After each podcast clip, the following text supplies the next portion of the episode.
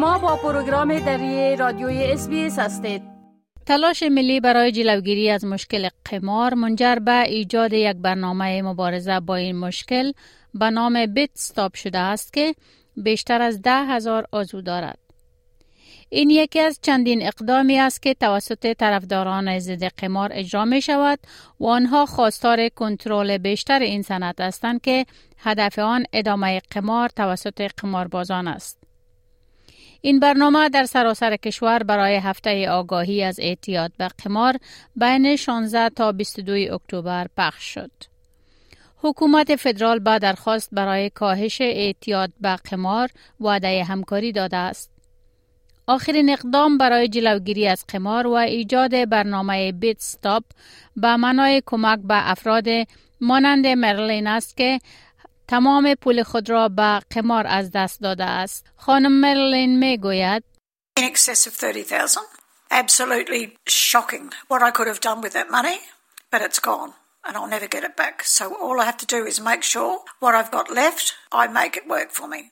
I had to go. Nothing else mattered. I didn't spend any money on anything else. Not my garden, not my clothes, not my house, nothing.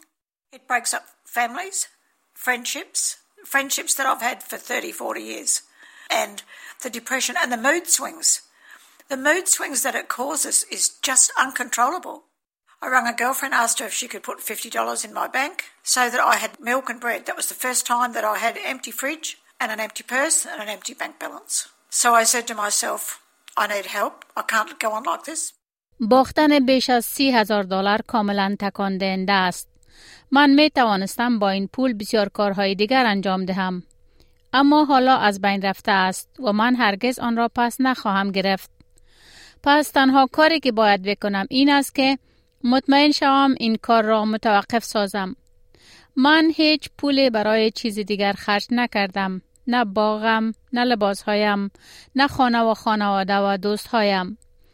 من سی تا چل سال عمر داشتم که به این کار روی آوردم و حالا افسردگی شدید دارم. او می گوید من به یک دوستم زنگ زدم و از او پرسیدم که آیا می تواند 50 دلار به من قرض دهد تا شیر و نان بخرم.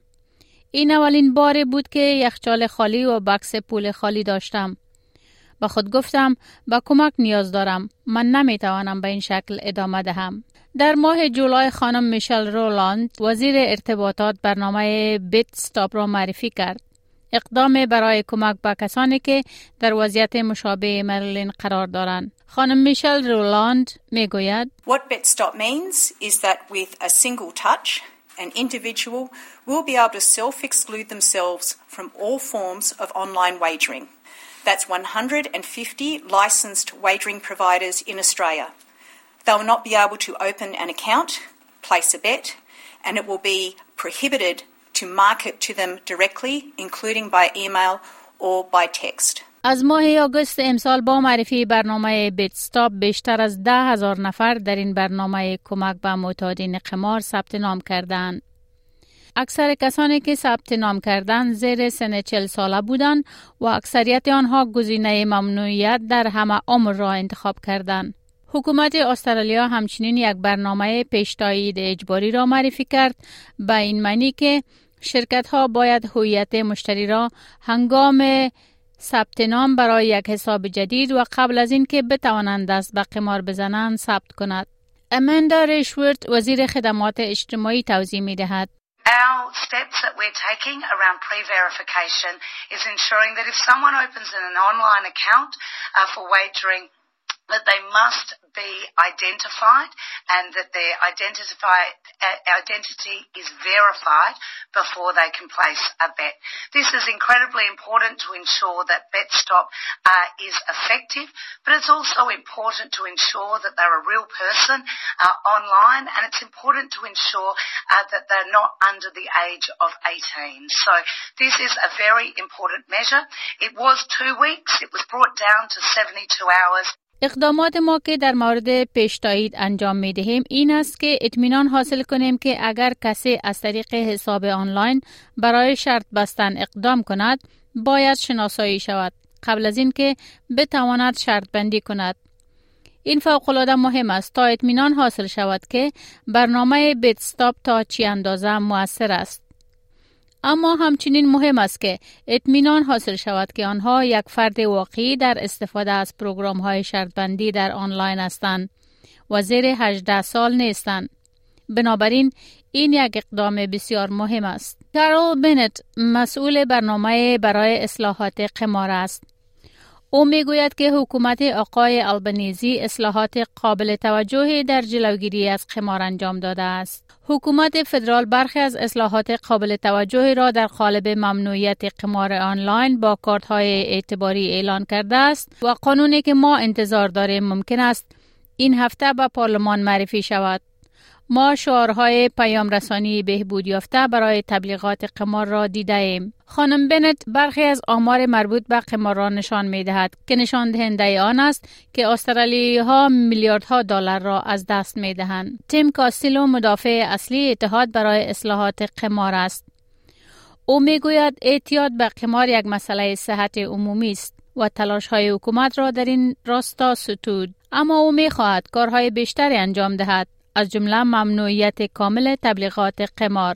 Dads and mums have had a collective psychic vomit about their kids literally being groomed by all the ads coming out of foreign sports betting companies all registered in the Northern Territory, the back door. A tsunami of ads launched on the rest of Australia. It is a barbecue stopper. If Albo or Dutton just says, right, we're implementing the bipartisan report. But the stopper at the moment, I still think, is the vice like grip that the gambling industry has held politicians on both sides in thrall in this country for far too long, which is why we have this number one public health issue. در ماه جون کمیته مشترک انتخابات اصلاحات قمار استرالیا پس از یک تحقیق دو ساله که شامل هشت عضو پارلمان استرالیا بود گزارش جامعه را منتشر کرد که به طور مساوی بین احزاب اصلی تقسیم شده است. این گزارش چندین توصیه برای مبارزه با مسائل مربوط به قمار در کشور ارائه داد. از جمله ممنوعیت تبلیغات قمار در برنامه های ورزشی. کسانی که مایل به بازگشت به قمار هستند می توانند پس از سه ماه اول برنامه ممنوعیت قمار خود آن را لغو کنند. ولی برای لغو آنها باید یک بیانیه قانونی برای تایید این که یک مشاور یا دکتر فامیلی را برای بحث در مورد تصمیم خود دیدند تکمیل نمایند. می خواهید این گناه گزارش ها را بیشتر بشنوید؟ با این گزارشات از طریق اپل پادکاست، گوگل پادکاست، Spotify و یا هر جایی که پادکاستتان را می گیرید گوش دهید.